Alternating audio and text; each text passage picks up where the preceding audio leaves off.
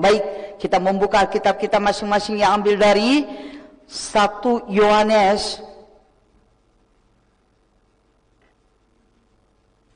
pasal kelima ayatnya ke-12.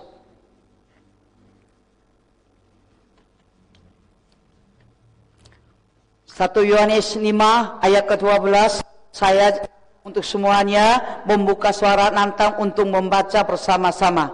Dua, tiga, barang siapa memiliki anak, ia memiliki hidup.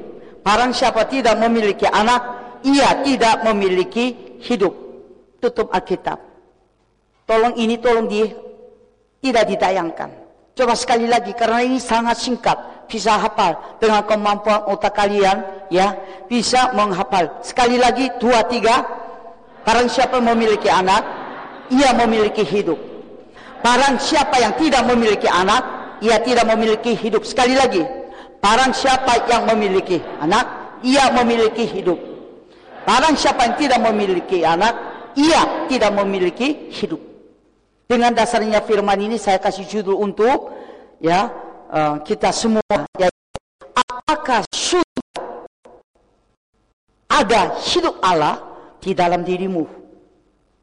Sekali lagi apakah sudah ada hidup Allah di dalam dirimu ini sudah isi dengan air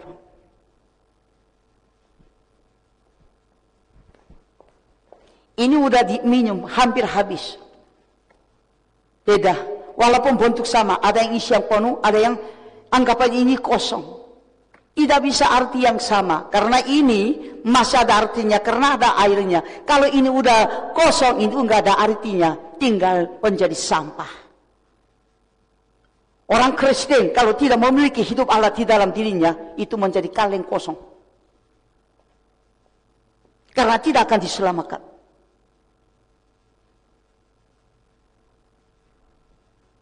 Apakah jemaat memiliki hidup Allah? Apakah jemaat betul percaya kepada Yesus? Satu kalimat yang sebagai pertanyaan kepada jemaat yang hadir di sini, saya tambahkan satu kata adalah betul. Biasanya you sudah percaya kepada Yesus? Ya, saya sudah percaya kepada Tuhan Yesus. Terlalu, terlalu mudah untuk menjawab tapi artinya, apakah engkau sudah percaya kepada itu? Artinya sangat berat dalam kehidupan kita semua. Cuma sudah mempunyai hidup Allah, cuma betul sudah percaya kepada Tuhan Yesus, itu kalimatnya berbeda. Ya, bunyinya, tetapi artinya sama. Siapa yang memiliki anak, dia memiliki hidup yang kekal. Siapa yang memiliki anak, dia memiliki hidup. Siapa yang tidak memiliki anak, dia tidak memiliki hidup. Berarti sudah mempunyai hidup Allah, berarti sudah percaya kepadanya. Bukan sekadar mulutnya percaya kepada Yesus, tapi betul percaya kepada Tuhan Yesus. Dua pertanyaan ini sampai termasuk judul untuk hari ini. Tiga pertanyaan ini adalah sama artinya. Apakah sudah ada hidup Allah di dalam dirimu? Apakah sudah memiliki hidup Allah? Apakah sudah betul percaya kepadanya? Itu tiga kalimat menjadi artinya yang sama.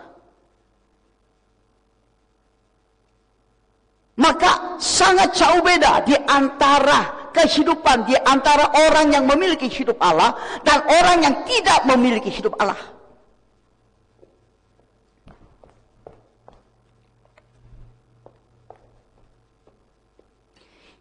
Anggap aja ini orang yang memiliki hidup ada isinya. Orang yang tidak memiliki hidup Allah walaupun datang ke gereja.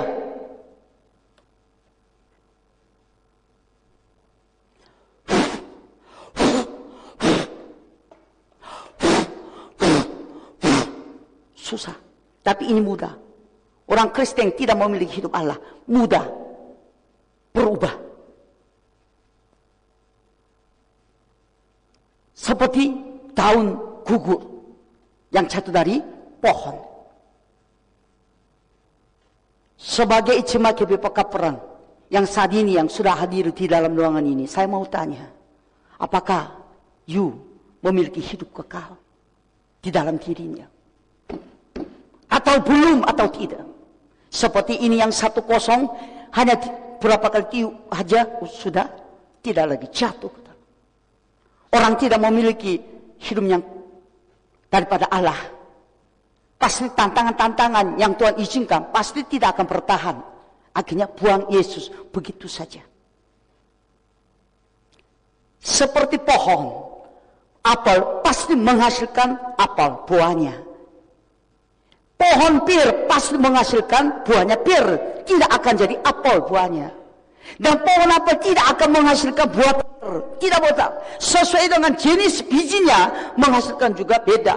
Demikian juga orang yang memiliki hidupnya menghasilkan beda di hadapan Tuhan. Orang tidak memiliki hidup Allah, apa yang mereka akan menghasilkan? Enggak ada hasilnya sama sekali. Itulah perbedaan. Orang yang memiliki hidup Allah, pasti Allah nyatakan di dalam kehidupan. Sesuai seperti yang biji apa namanya jenis bijinya beda, sehingga menghasilkan juga buahnya beda. Demikian juga orang yang memiliki hidup Allah, pasti Allah yang hadir dalam kehidupannya. Tapi orang yang tidak memiliki hidup Allah, Tuhan tidak akan menyatakan diri di dalam kehidupan orang tidak memiliki hidup Allah. Di situ masalahnya. Orang Kristen. Ah, saya berdoa pernah doa saya dikabulkan oleh Tuhan. Karena apa? Tidak memiliki hidup yang kekal. Kalau sudah memiliki hidup yang kekal, hidup Allah itu kalau tidak dijawabkan oleh Tuhan pasti sudah dijawab. Tapi jawabannya seperti negatif, bukan positif. Makanya dari hati yang menolak. Maunya begini-begini sesuai dengan keinginan. Tapi Tuhan yang memberikan jawabannya tidak seperti yang dia inginkan. Makanya dari hati yang menolak. Bilang apa? Belum dijawab, tapi sudah Tuhan jawab. Itu hal ini saya tidak lama rasakan dan terjawab oleh Tuhan. Dan saya rasakan Tuhan selalu menjawab. Tapi menjawabnya saya bukannya sesuai dengan keinginan saya. Mungkin berapa persen yang permohonan saya Tuhan terima. Tapi berapa persen Tuhan menolak. Saya tanya ke Tuhan, kenapa menolak? Bukan sesuai dengan saya inginkan di dalam hidupmu. Hai hambaku Kristus, kalau kamu berdoa kepada aku, dengar betul-betul yang benar saja doakan. Biar saya dikabulkan doamu menjadi nyata kuasaku di dalam hidupmu. Saya terasa, saya suka mengucap syukur kepada Tuhan. Dengan kata lain, orang yang memiliki hidup Allah, ya, selalu terjadi perkara-perkara secara Allah. Yohanes pasal 10. Ayat 3 sampai 35, 34 sampai 35. Kata Yesus kepada mereka, tidakkah ada tertulis dalam kitab Taurat kamu, aku telah berfirman, kamu adalah Allah, Allah uh, apa namanya firmannya kecil. Jikalau mereka kepada siapa firman itu disampaikan, disebut Allah, sedang kitab suci tidak dapat dibatalkan. Kitab suci tidak bisa dibatalkan karena ini perkataan daripada Allah sendiri. Tidak ada seorang pemberani, tidak ada siapa pun yang bisa membatalkan perkataan daripada Allah sendiri. Berarti Allah yang mengatakan di dalam perjanjian bilang siapa yang menerima firman-Nya itu anggap saja Allah. Hurufnya besar bukan hurufnya besar tapi hurufnya kecil.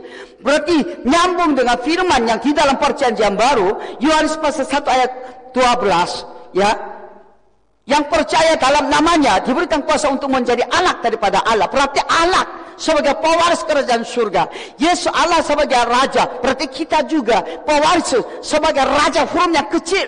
Makanya akan memerintahkan kerajaan seribu tahun nantinya. Firman Tuhan tidak pernah putus dari kejadian sampai wahyu. Sampai kejadian sampai wahyu tidak pernah putus. Semuanya nyambung. Digenapi oleh perjanjian baru, perjanjian namanya.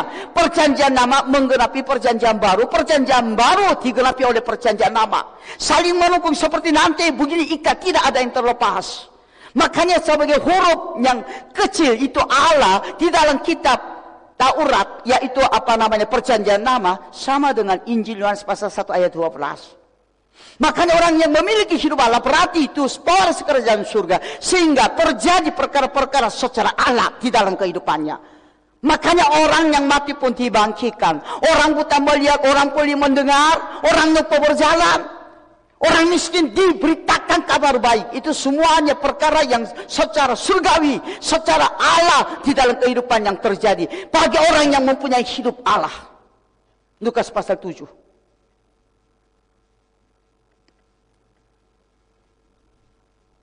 Ayatnya 22. Dan Yesus menjawab mereka, Pergilah dan katakanlah kepada Yohanes, apa yang kamu lihat dan kamu dengar. Orang buta melihat, orang lumpuh berjalan, orang kusta menjadi tahir, orang tuli mendengar, orang mati dibangkitkan, kepada orang miskin diberitakan kabar baik. Itu adalah perkara-perkara secara Allah. Tidak ada dokter yang pernah membangkitkan, menghidupkan orang mati. Dokter tuli, dokter buta dan semuanya pun nggak ada yang saya dengarnya orang buta dilihat oleh kepintaran dari para dokter. Tidak pernah saya dengar orang dokternya ya me, membisahkan, membisahkan telinga orang yang sakit tidak bisa mendengar, bisa mendengar. Hanya kuasa Tuhan. Orang miskin diberitakan kabar baik. Saya tidak pernah dengar orang-orang memberitakan kabar baik kepada orang miskin. Tetapi Tuhanlah yang mengerjakan sesuai dengan firman ini. Lukas pasal 7 ayat 22. Berarti ini perkara yang secara Allah yang akan terjadi pada orang yang memiliki hidup Allah. Seperti firman yang tadi, ya. 1 Yohanes pasal 5 ayat 12. Barang siapa yang memiliki hidup, dia memiliki anak. Siapa yang memiliki anak, dia memiliki hidup. Barang siapa yang tidak memiliki anak, dia tidak memiliki hidup. Jadi anak Yesus adalah hidup, hidup adalah firman. Jadi siapa yang percaya kepadanya, yaitu memiliki hidup yang kekal. Siapa yang memiliki hidup adalah mempunyai firman di dalamnya. Sehingga firman yang mendorong hidup kita. Firman yang mengkontrolkan hidup kita. Firman yang mengarahkan hidup kita. Firman yang memimpin hidup kita. Bukan dengan keinginan kalian sendiri. Kalau seandainya pernah pendeta cebong yang bicara. Misalnya Tuhan tujuan punya kepada orang lain. Yuk apa namanya pengusaha, pendeta, pengusaha, pendeta. Tapi tiba-tiba Matthew menjadi Tuhan bilang pengusaha. Tuhan punya rencana dengan Matthew pengusaha. Tapi tiba-tiba Matthew menjadi pendeta. Kalau di surga bilang apa?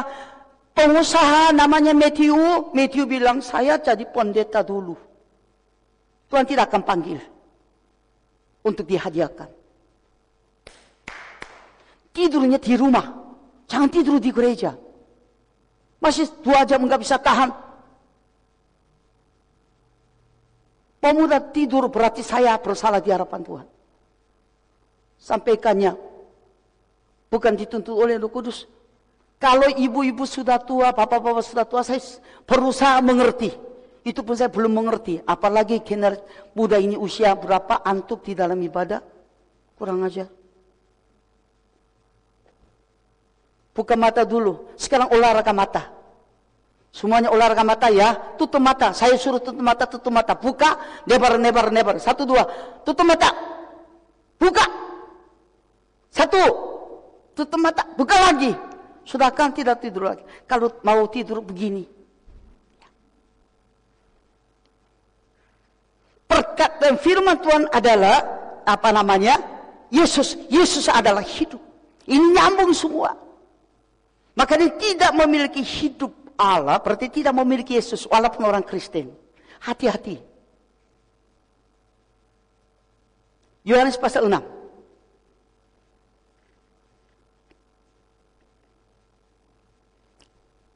63, roh yang memberi hidup, daging sama sekali tidak berguna. Perkataan-perkataan yang kukatakan kepadamu adalah roh dan hidup. Perkataan daripada Yesus khususnya, bukan perkataan daripada Nasul Paulus, bukan perkataan daripada Petrus, bukan perkataan daripada Yakobus atau lain, tetapi betul-betul perkataan daripada Yesus sendiri adalah roh dan hidup.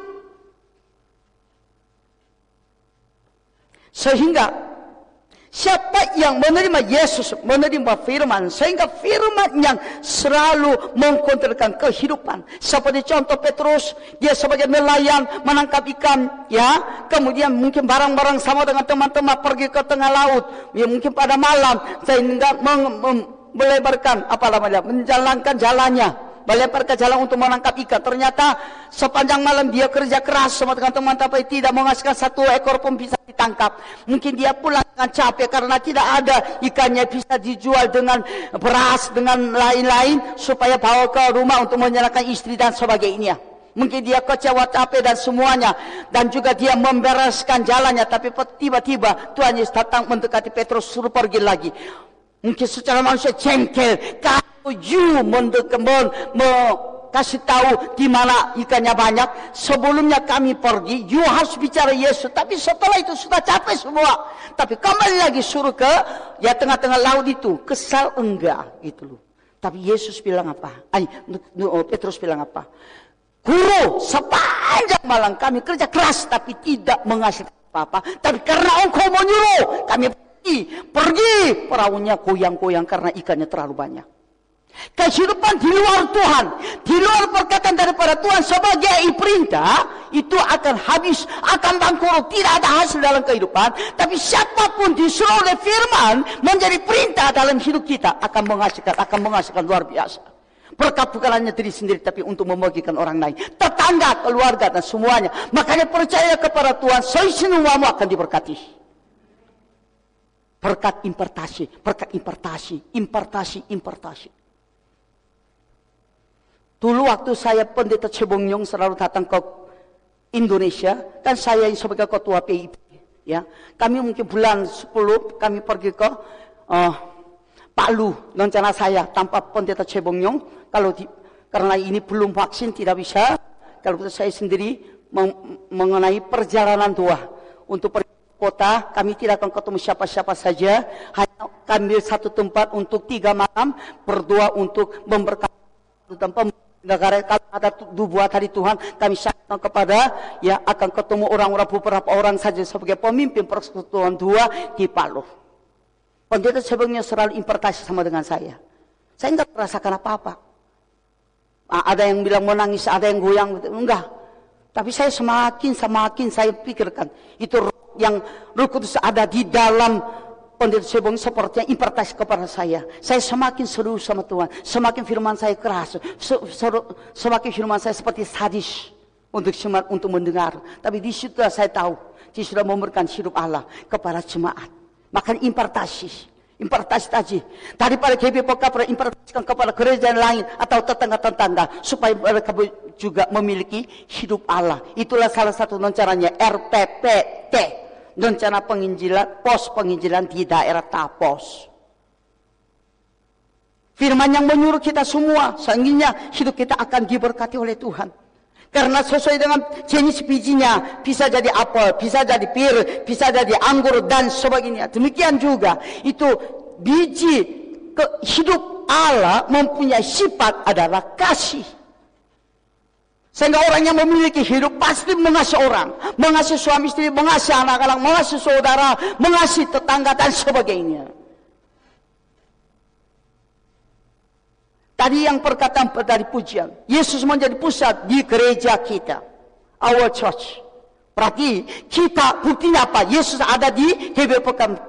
Buktinya kita mengasihi orang. Apalagi, meng, apalagi mengasihi suami dan istri dan sebagainya. Itu kan bukti. Yesus ada di sini sebagai pusat. Tapi walaupun kita nyanyi, tapi kita tidak tidak mengasihi orang, berarti Yesus belum ada di tengah-tengah gereja kita semua. Satu Yohanes pasal keempat ayat 7 sampai dengan 8. Saudara-saudaraku yang kekasihi, marilah kita saling mengasihi. Sebab kasih itu berasal daripada Allah. Dan setiap orang yang mengasihi, lahir, mengasihi, lahir dari Allah dan mengenal Allah. Barang siapa tidak mengasihi, ia tidak mengenal Allah. Sebab Allah adalah kasih. Orang-orang suka benci dan susah lepaskan kebenciannya, selalu membenci. Ada yang bilang katanya, sepanjang usia saya tidak akan diampuni dia. Saya bilang, wah omongan itu mengutuk dia sendiri. Maaf ya. Saya dua kali dengar dari orang beda. Ada seorang bilang, saya tidak akan mengampuni suami sepanjang hidup saya. Saya bilang kalau begitu kasihan bapak itu punya istri seperti itu mengutuknya. Keluarga akan terkutuk. Bukan Tuhan yang mengutuk. Mereka dengan perbuatan omongan daripada perkataan mereka mengutuk diri sendiri. Dan juga ada yang jemaat bilang membenci dia. Saya nggak suka sama dengan dia. Sepanjang usia saya katanya, saya laporkan oleh tim penggembala. Bilang, perkataan itu akan mengutuk kehidupan mereka. Karena Yesus adalah kasih. Allah adalah kasih. Berarti kita memiliki hidup Allah. Berarti bisa mengasihi orang. Bisa mengasihi orang termasuk mengampuni orang. Kenapa begitu? Generasi muda juga suka tersinggung sama teman-teman kan. Omongan sedikit aja tersinggung sana, tersinggung si E. Ya. Sudah dia pacar, pacar pun omongannya sedikit tidak begitu menyenangkan, langsung pisah dan sebagainya. Itu kan tidak bagus. Kalau sudah pacar, kalian berdua dulu. Ini pacar saya menuju ke sampai calon istri harus dulu. Jangan sembarangan. Makanya kalau kebencian berarti tidak mengasihi Allah.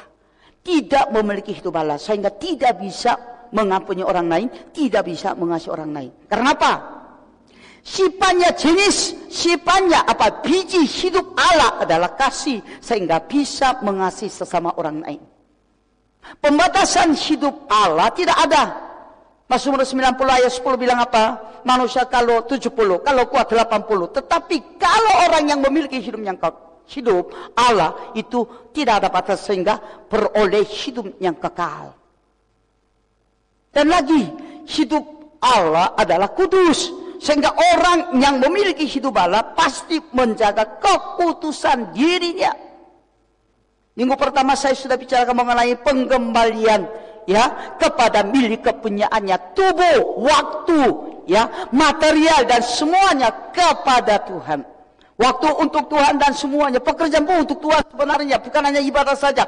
Pekerjaan juga untuk Tuhan. Supaya di mana pun kita bekerja. Di situ menjadi berkah bagi orang lain. Di situ menjadi terang bagi orang lain. Di situ menjadi kalam bagi orang lain. Supaya mereka juga memiliki hidup yang hidup daripada Allah. Tapi kalau di sini, wah kalau orang Kristen tak pusing berkat sedikit aja ibadah, sedikit aja sebenarnya. Pergi, tapi absen melulu. Kalau begitu bukannya menjadi terang, bukan menjadi garam. Kenapa saya semuanya acara lebih di dalam minggu ini? Biar hari-hari biasa menjadi terang bagi orang lain. Jangan alasan gereja, gereja, gereja, gereja, gereja.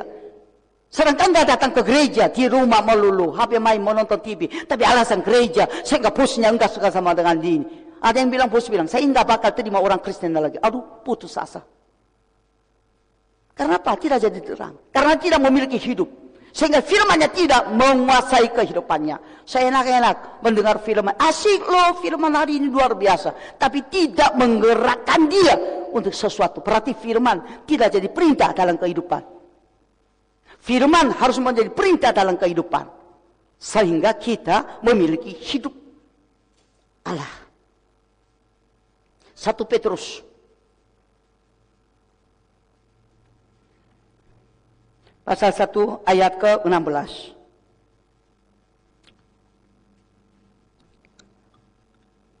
Sebab ada tertulis, kuduslah kamu sebab aku kudus. Maafkan saya kalau selanjut saya bicara mungkin kasar. Maafkan, tapi lebih baik saya selamatkan kalian. Saya tidak tahu siapa pun, tapi sekarang generasi muda yang pada sekarang di dunia ini kacau balau kehidupan. Terlalu memudahkan menggunakan tubuh ini tidak kudus. Free sex. Kemarin GBI pusatnya kasih tahu semua gembala. Kita tuakan untuk generasi muda ini.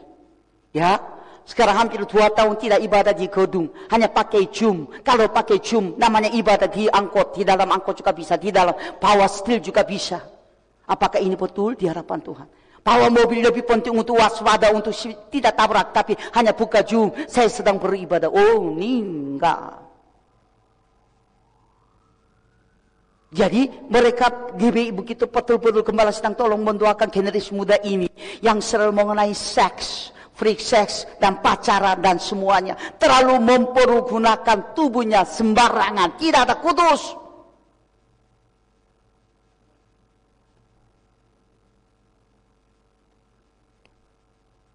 Gereja salah satu cabang gereja. Mereka tidak malu untuk hamil. Karena sembarangan tubuhnya dipergunakan tanpa kekudusan kemudian kalau anaknya langsung di ke dokter minum obat jadi dikuburkan. Tidak ada malu, tidak ada malu dan datang ke gereja. Terlalu muda, takut tidak ada pacar, takut tidak ada calon istri. Tuhan sediakan semuanya terbaik. Sal, jangan salah mempergunakan tubuh sehingga kehilangan kekudusan.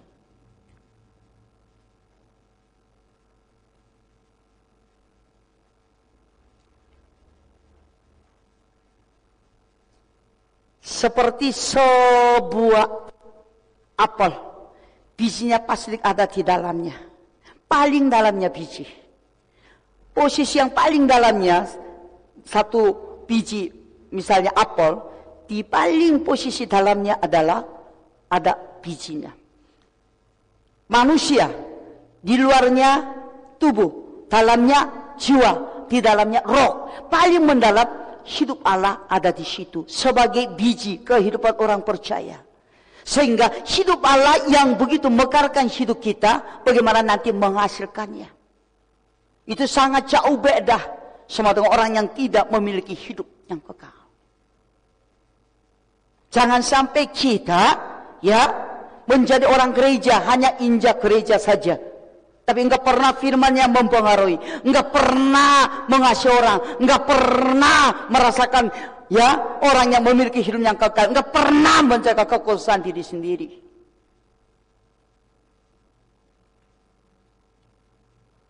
Sembarangan.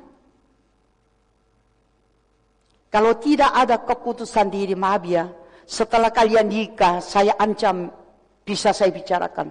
Hidup nanti kacau balau. Tuhan tidak akan membiarkan. Siapa yang mau nanti dapat keluarga yang sehat, yang diberkati oleh Tuhan. Harus hati-hati menjaga tubuh diri sendiri.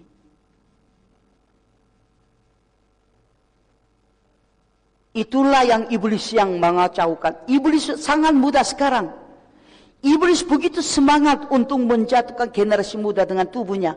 Karena semuanya HP ada, porno dan semua.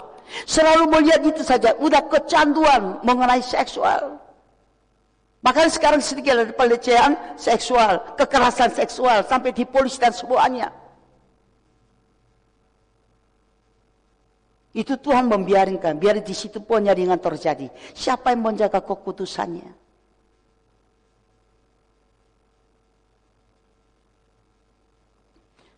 Laki-laki kalau ada yang pacar perempuan lain selain istri, tanpa apa-apa langsung kaburkan. Ada seorang yang di Cisoka, dia punya yayasan dengan suami, ya, TK. Tapi tiba-tiba suami katanya kabur satu bulan lebih. Tidak ada kabur lagi dua bulan sekarang. Makanya dia jual yayasan kepada saya. Saya bilang saya tolak. Saya tidak mau yayasan seperti itu. Untuk buka TK. Saya bilang Tuhan kasih. Kacau. Tidak ada surat, tidak apa-apa. Langsung kabur. Nggak ada tanggung jawab. Maaf ya dia orang Kristen. Aslinya karena suku. Tidak memiliki hidup yang kekal. Makanya macam hidupnya. Sehingga kacau hidupnya akan terus menerus kacau. Kalian menjaga diri untuk kehidupan yang diberkati Tuhan. Orang yang hanya tidak memiliki hidup Allah, itu orang yang gereja, orang gereja tidak layak disebut orang kudus. Karena hidup Allah tidak ada di dalam dirinya. Sehingga mereka datang. ya, Tetapi bukannya disebut orang kudus yang memiliki hidup Allah. Tetapi orang gereja yang tidak memiliki hidup Allah.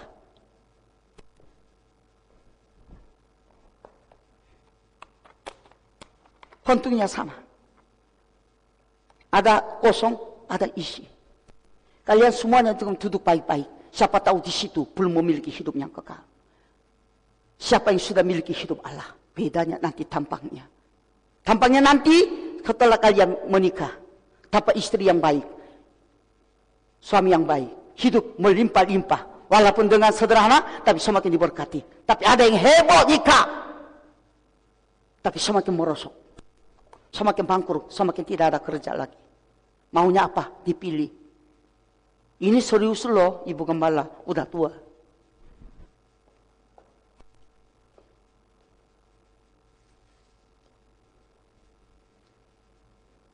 Kacang. Kelihatannya bagus. Kulinya luar biasa. Anggap aja itu isinya besar dan bagus. Ternyata kalau isinya kecil kacangnya. Hanya apa namanya kulinya bagus. Enggak ada artinya. Akhirnya apa? Kulit itu dikering dulu, dibakar. Hidup manusia juga tidak memiliki hidup Allah akan dibakar. Tapi siapa yang memiliki hidup Allah, astik diacak masuk ke kerajaan surga. Layak. Injil Matius pasal 3.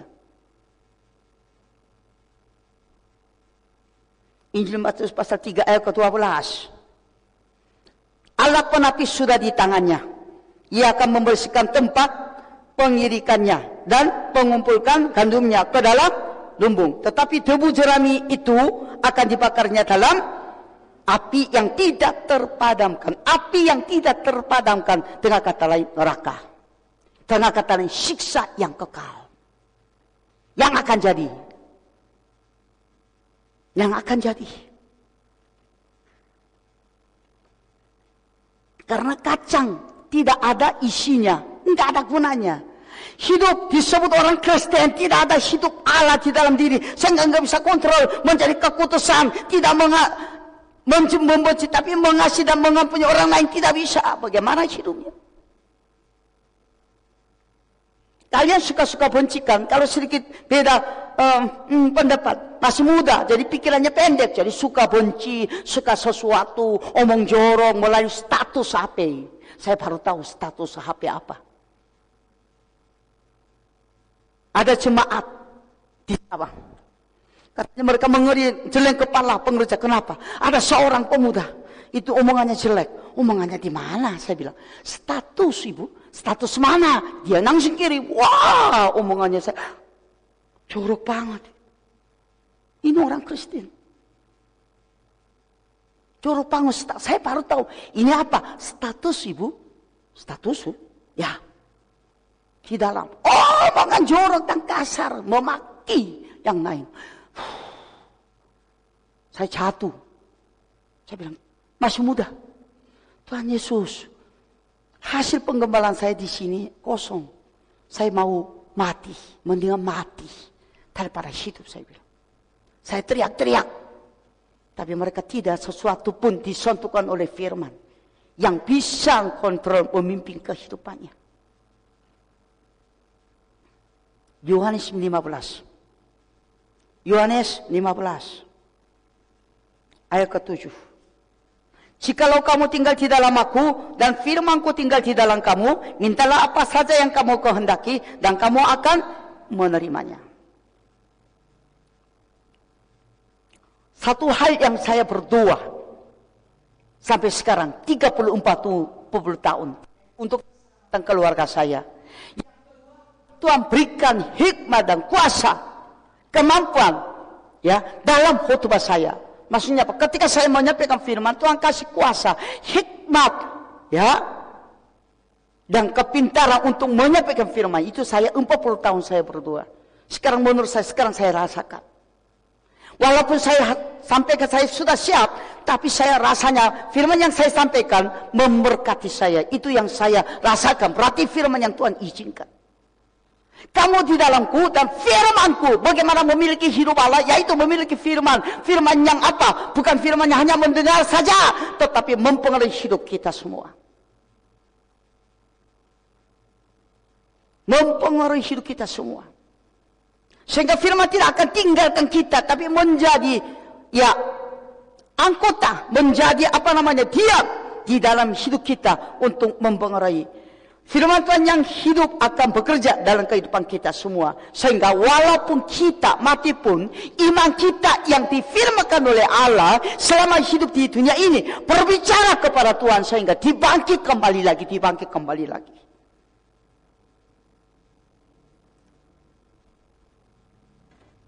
Yohanes pasal 11.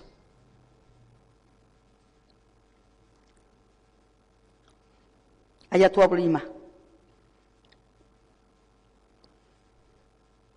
Jam Yesus, akulah kebangkitan dan hidup. Di sini juga ada kan kata hidup. Barang siapa percaya kepadaku, ia akan hidup. Walaupun dia sudah mati. Yang kita harus bicarakan firmannya. Ini akan nyata kuasa hidup Allah di dalam kehidupan.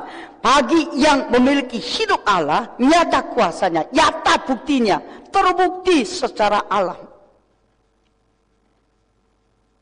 Sehingga kehidupannya berkenan kepada Tuhan. Kalau dia pasal kelima.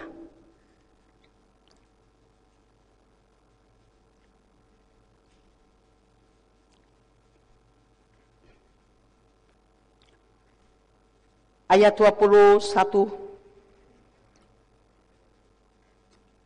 hmm, 22 aja dulu.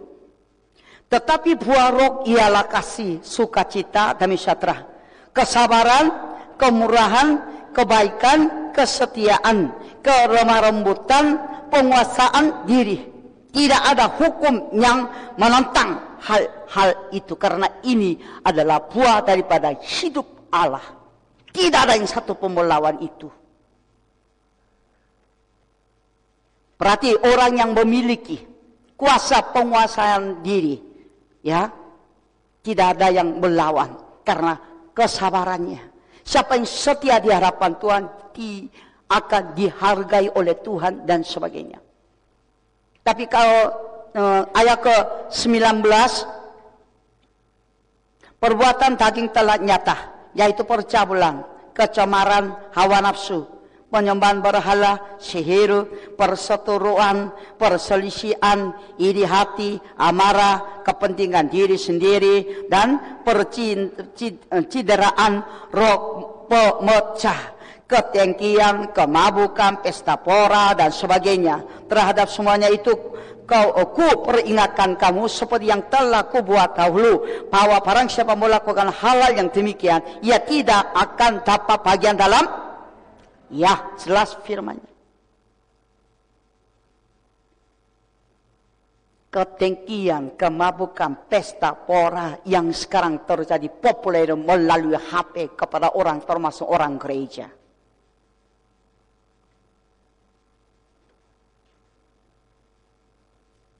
Ada seorang pemuda surak sama dengan saya, cabang lain. Dia tidak bisa menahan keinginan seksual. Dia jujur bicara karena masih usianya seperti saya anggap saja mama. Ibu bagaimana menguasai? Saya bilang, you punya hidup Allah, you punya hidup Allah, iya. Tapi kuat untuk seksual ya. Jadi semuanya perempuan, iya kamu mau seks ya? Iya betul. Kamu punya pacar? Katanya pacar. Kenapa enggak nikah? Cepat nikah dong. Kalau itu enggak salah nafsu apa nama keinginan dagingmu tidak salah kalau ada istri. Tapi kalau belum. Hanya perempuan dia saja ingin nafsu sesuatu. Jadi sentuh tiba-tiba begini tiba-tiba. Sengaja bicara-bicara begini. You berdosa besar. Sehingga hidup Allah tidak akan menempati di dalam dirimu. Saya bicara. Dia rencana mau buru-buru nikah. Oke. Okay, buru-buru nikah cepat. Daripada kamu membuat dosa di hadapannya. Sehingga hidupmu tidak berkenan di hadapan Tuhan. Ini kita perlu bicarakan sesuatu. Makanya sebelum masa pernikahan, kalian konsentrasi untuk luruskan sama dengan Tuhan. Dan Tuhan siapkan segalanya terbaik bagi kita.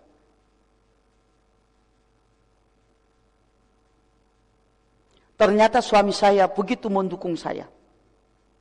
Banyak, kalau di Korea ada dijodoh. Masa dulu, masa saya masih muda, suka-suka dijodohin oleh orang tua-orang tua atau guru-guru ya atau uh, pendeta-pendeta menjodohkan di antara si A si B begitu. Saya suka-suka dijodohin. Tapi saya kalau saya enggak cocok, saya enggak. Tapi satu seorang pria ya yang sekarang menjadi suami saya begitu mendukung. Saya selalu memuji pernikahan walaupun ada tantangan hidup saya di antara suami istri. Tapi saya selalu memuji sama dengan Tuhan karena ini pendukung 100% dalam hidup penggembalaan. Dia di mana pun saya pergi, jam 12, jam 1 pun pergi, tidak pernah mengeluh. Untuk mendukung saya antar dan semuanya. Karena Tuhan jodohkan. Tuhan bilang inilah jodoh. Saya bilang tidak cocok karakternya Tuhan. Inilah jodohmu. Dan di dalam dia juga katanya inilah jodohmu. Suami saya bilang kurang cakep bagi saya katanya. Ibu Resmi ini. Kurang cakep mas menyama. Bajunya juga terlalu murah punya. Karena waktu itu sudah jadi pendeta. Bagaimana baju merah, mewah. Jadi saya begitu saja. Kadang-kadang tak tas saja buli. Ya, dengan yang sudah dipakai bekas beli dengan harga murah karena sekolah teologi. Ya. Jadi saya bawa tas kelihatannya murah. Suami saya masih pada saat itu punya sesuatu sampai mobil pun sudah punya rumah dan sebagainya. Dia bilang, waduh ini calon pacarnya miskin melulu seperti kelihatannya. Sepatutnya juga udah ya sesuatu. Tapi karena Tuhan bilang ini jodoh, maka nikah. Saya dia karakternya suami saya tidak cocok dengan saya. Tuhan ini bukan jodoh saya. Tuhan bilang jodoh, jadi nikah. Sekarang ya merasa mengucap syukur kepada Tuhan dalam pernikahan. Tuhan selalu siapkan jodoh yang terbaik bagi kalian. Tenang aja, jangan sampai begini. Kenapa tidak sabar? Kenapa tidak setia? Kenapa tidak murah hati? Kenapa tidak ada damai? Tidak ada apa namanya penguasaan diri atau tidak lemah lembut? karena muncul salah satu yang keinginan daging yaitu dikatakan nama lagi manusia rahiria manusia rahiria dan manusia patinya semua begini lawan jenis lawan karakternya tidak akan sama ya manusia rahiria dengannya perasaan sendiri mengalahkan manusia patinia yang tidak ada firmannya tidak memiliki hidup Allah sehingga dikalahkan. Makanya hanya ada keinginan daging yang tidak akan mendapat bagian dalam kerajaan Yesus Kristus. Makanya hati-hati karena hidup kita sebentar.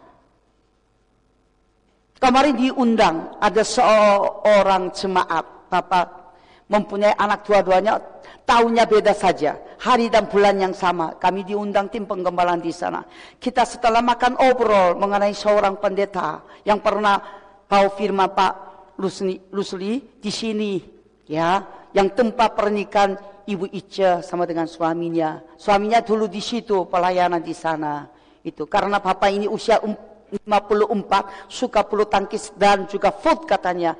Mungkin dia main olahraga, pingsan jadi dibawa ke rumah sakit sentral. Kemudian kita kasihan bapak ini yang harus sembuh. Kita bilang harus sembuh. Jam 45 lewat jam 12 lewat 45. Kemudian kami habis pamit, kemudian datang kembali di sini ada kabar meninggal dunia. Pada saat bilang Tuhan sembuhkan dia, tapi Tuhan ambil nyawanya. Kita kapan dipanggil tidak tahu. Ibu gembala lebih tua daripada di almarhum ya 10 tahun. Berarti saya juga udah dekat-dekat menjelang kematiannya. Maka saya bergiat-giat. Roh Kudusnya pakar hati saya untuk menyampaikan firman. Omongan saya bukannya dari saya sendiri, dari Tuhan. Yang tadi ibadah kedua saya sudah sampaikan. Hari ini Roh Kudusnya pakar-pakar hati saya untuk menyampaikan. Makanya orang-orang yang tidak memiliki hidup yang hidup Allah tidak disebutkan orang kudus. Orang yang tidak kudus tidak memiliki hidup Allah. Yang salah satu tampangnya yang mengampuni orang, ya. Hidup Allah mengampuni sampai Allah sendiri membuktikan bahwa hidup Allah adalah pengampunan. Sehingga mengirimkan anaknya supaya mati di kayu salib untuk mengampuni segala dosa manusia. Itu terbukti. Contoh Allah mempraktekkan sendiri firman Tuhan yang sampaikan oleh Allah sendiri lewat anaknya pun. Semuanya Allah sendiri melakukan. Tidak pernah hanya omong kosong bicara. Sehingga dia bilang pengampunan sifat daripada hidup Allah. Sehingga dia mengampuni segala dosa manusia. Sampai mengirimkan alang yang tunggal satu-satunya supaya mati di kayu salib. Berarti orang yang tidak mengampuni oh, orang lain berarti tidak memiliki hidup Allah. Orang tidak memiliki hidup Allah otomatis tidak ke surga tapi neraka.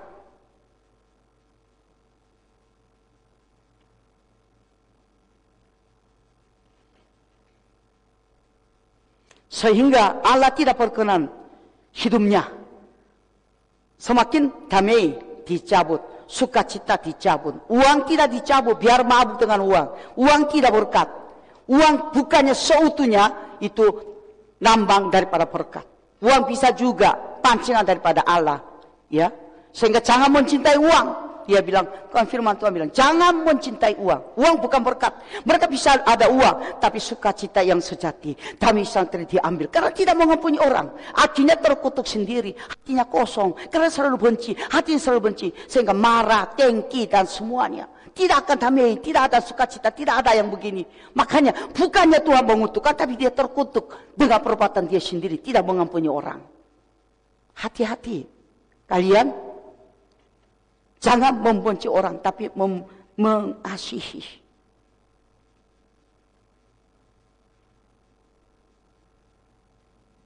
Yesus mati di kayu salib sehingga banyak jiwa diselamatkan. Firman Tuhan ada di dalam hidup kita akan berbuah banyak. Hidup Allah ada di dalam hidup kita pasti berbuah banyak. Tetapi kalau kita tidak apa namanya melakukan firman Tuhan di dalam kehidupan pasti sepertinya sebiji gandum tidak mati di dalam tanah sehingga tetap satu tetapi kalau mati banyak berbuahnya begitu sekarang kematian manusia Nairia adalah kelahiran manusia batinia. Kalian tahu tung, tunggul ya? Tunggul, tunggul. Kalian tahu tunggul? Itu pohon yang besar tapi ditebang. Jadi kan seperti begitu kan? Hmm. Tapi kadang-kadang di pinggir jalan ada pohon yang sudah ditebang menjadi tunggul ya karena mungkin terlalu besar mengganggu orang yang lewat bisa juga kalau hujan deras bisa juga petir bisa patah. Jadi merusakkan mobil yang lewat itu bisa juga ya melukain orang lewat itu sehingga pemerintah suka-suka kalau terlalu besar ditebang jadi menjadi tunggul. Tapi kalau beberapa hari atau beberapa bulan kemudian sudah lewat kemudian di hujan terus akhirnya apa? Tunas yang mudah keluar dari pinggirnya tunggul itu Orang Kristen dianggap dilihat oleh orang-orang seperti yang hidupnya begitu saja sederhana. Seperti orang mati memberikan perpuluhan kepada gereja untuk pendeta heboh-heboh dan semuanya. Ya, apa gunanya memberikan uang untuk kepada pendeta? Saya tidak mau dengar dengan dengan orang itu. Saya, saya sehingga saya tidak mau dipekain sampai sekarang. Dan Tuhan izinkan saya sampai mati dunia pun saya tidak mau dipekain. Saya selalu mau disayang oleh Tuhan Yesus Kristus. Hidup kalian sepertinya tidak ada pengharapan. Seperti pohon sudah tebang menjadi tidak apa-apa. Tetapi di situ ada munculnya tunas-tunas. Demikian juga kehidupan kalian dilihat oleh mata manu, mata orang dunia. Tidak ada artinya. Tapi di dalam Tuhan ada artinya. Tiba-tiba muncul tunas. Muncul tunas. Kiri, kanan, depan, belakang. Kalian akan Tuhan izinkan berkahnya berbagai macam jenis. Akan terjadi dalam kehidupan kalian. Siapa yang setuju katakan amin. Jangan satu hal yang kecil, kecewa, jangan. Tapi Tuhan ya izinkan seperti tunggul. Ada tunas dari kanan, tunas kiri, yogi lagi, begitu. Berkat jenis yang ber, berbagai jenis berkat yang Tuhan akan izinkan dalam kehidupan kita. Saya kalau dulu saya bilang, kalau saya sudah percaya kepada Tuhan Yesus, saya sudah mulai keras keras untuk Tuhan. Kadang-kadang enggak tidur, pimpin dua malam generasi muda di Korea. Waktu saya di Korea, saya merasakan saya sudah punya suami saya pengusaha. Saya merasakan, saya yakin menjadi kaya raya. Tapi semakin saya anggap aja saya kaya raya, semakin saya jadi miskin. Semakin saya miskinkan dengan uang, semakin Tuhan memberkati saya untuk menyampaikan firman. Jadi ganti. Tuhan bilang apa? Pilih yang mana? Kamu miskin uang, tapi kamu berkat hanya untuk membagikan kepada orang lain. Saya pilih. Berkatnya tergantung jenisnya. Kalian hanya fokusnya berkat uang, itu uangnya bukan berkat. Tetapi berkat yang lain selalu menimpa dalam kehidupan kalian. Amin. Saya selalu bicarakan orang tua kalian berbagai macam jenis hidup terserah. Kalian harus hidup harus seperti tunas. Di samping kiri tunggul, ya kan? Jadi seperti oh, udah oh ya, siapa yang pintar ini? Siapa pintar? Luar biasa pintarnya. Nah ini tunggul, tapi ada muncul. Orang tua anggap aja enggak begitu ada artinya, tapi karena kuasa hidup Allah, ya sehingga ini proses seperti tunas. Kita enggak usah pikirkan orang tua. Kita fokuskan masa depan bersama dengan Tuhan Yesus Kristus. Memiliki hidup Allah. Sehingga di situ ada kuasa memegarkan hidup kalian. Amin. Siapa tahu di antara kalian menjadi nanti menjadi presiden negara Indonesia. Walaupun saya sudah mati, sudah dikuburkan, tapi ada hasil yang muncul-muncul. Siapa nanti jadilah pengusaha semua besar ya di tengah-tengah bisnis Indonesia ya daripada kalian. Amin. Menteri semua dosen besar yang mempengaruhi generasi muda juga muncul daripada kalian. Tergantung kita punya pengharapan. Amin semua. Masa tutup berkahnya dari Tuhan hidup kita. Tuhan pasti memegahkan hidup kita. Siapa yang mau jadi presiden? Coba berdiri. Ya, ini kecil hati ya. Aduh, kecil hati. Siapa yang mau jadi presiden Indonesia? Coba berdiri. Ya ampun deh. Siapa yang mau jadi Andre? Sampai kepalanya. Berarti ayo ibu omong apa sih? Masa kita di antara kita ini siapa? Saya tahu tapi di situ muncul presiden. Ome. Siapa yang mau jadi presiden? Ya, imannya kecil banget. Tunggu aja. Tunggu reda. Siapa yang mau jadi pengusaha besar di Indonesia? Berdiri. Jangan begini. Berdiri. Pengusaha mau jadi pengusaha silakan berdiri, berdiri, diri. Pak, Pak Momes enggak usah, tidak akan jadi pengusaha. You jadi pendeta, tadi pengutusan terjadi, tidak akan jadi pengusaha, jangan berdiri. Ya, saya sudah dua kali nubuat pagi dia katanya utus, utus. Saya bilang utus ke mana Tuhan? Saya sekarang tanya, enggak jadi pengusaha, jangan berdiri. Itu, ya. Antara kalian siapa yang mau jadi pengusaha besar? Ya pengusaha besar, tolong berdiri. Pasti tetap berdiri. Ya, siapa yang mau jadi dosen besar di universitas bagus berdiri. Siapa? Ya, nggak ragu-ragu. Siapa mau jadi dokter besar yang punya pengaruh luar biasa berdiri. Ya enggak ada dokter ya, ah cuma di sini anak-anaknya. Aduh, mau jadi apa kalau begitu? Siapa yang mau jadi pendeta? Berdiri. Apalagi pendeta. Ampun deh. Ini cumanya hanya menjadi ibu. Siapa yang mau jadi ibu rumah tangga? Berdiri. Kalian berarti nggak mau nikah ya? Ampun deh, ini juga bohongan kok. Nanti akan jadi ibu rumah tangga yang baik. Akan jadi, berdiri. Akan jadi. Kalian nggak mau nikah? Aigo, aigo duduk kembali. Siapa yang mau jadi suami yang baik sekali yang akan datang? Berdiri. Ya, ini jujuran itu, itu, itu, itu. Ya harus jadi suami yang suami yang ya terhadap istri ya. Ya? Oh, silakan duduk. Yang belum berdiri, coba berdiri. Yang belum berdiri, coba berdiri. Yang belum berdiri, coba berdiri. Ha. Saya bilang yang belum berdiri, berdiri. Ampun deh. Ya belum berdiri, berdiri. Masa semua tadi berdiri. Oh ya, yang belum berdiri, ah, yang tadi belum berdiri, berdiri. Mau jadi apa? Hah? Oh ya, belum saya sebutkan karena saya enggak begitu lancar omongannya. Oke, duduk. Yuk mau jadi apa? Oh, guru. Oke, duduk. Yuk mau jadi apa? Bilang apa? Dia bilang apa? Hah? Jadi diri sendiri. Maksudnya apa jadi diri sendiri? Ampun deh. Hah? Mau jadi apa jadi diri sendirinya mau jadi apa? Seorang diri yang benar di hadapan Tuhan. Bagus. Ini duluan. Penafsiran ibu gembala lebih baik daripada omongan dia. Mau jadi diri sendiri. Bingung saya. Kalau kalian bingung, apalagi saya orang asing, lebih bingung lagi. Tapi saya menafsirkannya, mau jadi orang benar, dirinya di hadapan Tuhan bagus. Boleh punya pengharapan, kenapa? Presiden, kenapa enggak? Ya, tanya semua dengan Tuhan. Jangan sampai jadi biasa, tapi luar biasa. Guru jadi luar biasa dokter yang luar biasa, presiden yang luar biasa, ya, dosen yang luar biasa, dokter yang luar biasa, presiden yang luar biasa, jati diri yang baik yang luar biasa, semuanya tergantung.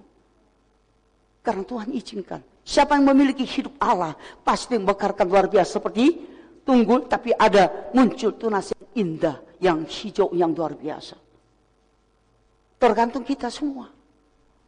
Saya dua yang saya mau dulu, cinta, cita-cita saya begitu. Satu, mau jadi presiden. Ya. Memang sempat saya mau jadi sekretaris presiden. Dan presiden saya yang sudah meninggal, begitu perhatian saya. Sampai dia bilang apa? Saya membesarkan kamu. Makanya dikasih tugas untuk selalu istri. Itu ibu negara yang saya awasin sama-sama dengan dia. Satu, mau jadi pendeta. Ini dua hal yang selalu.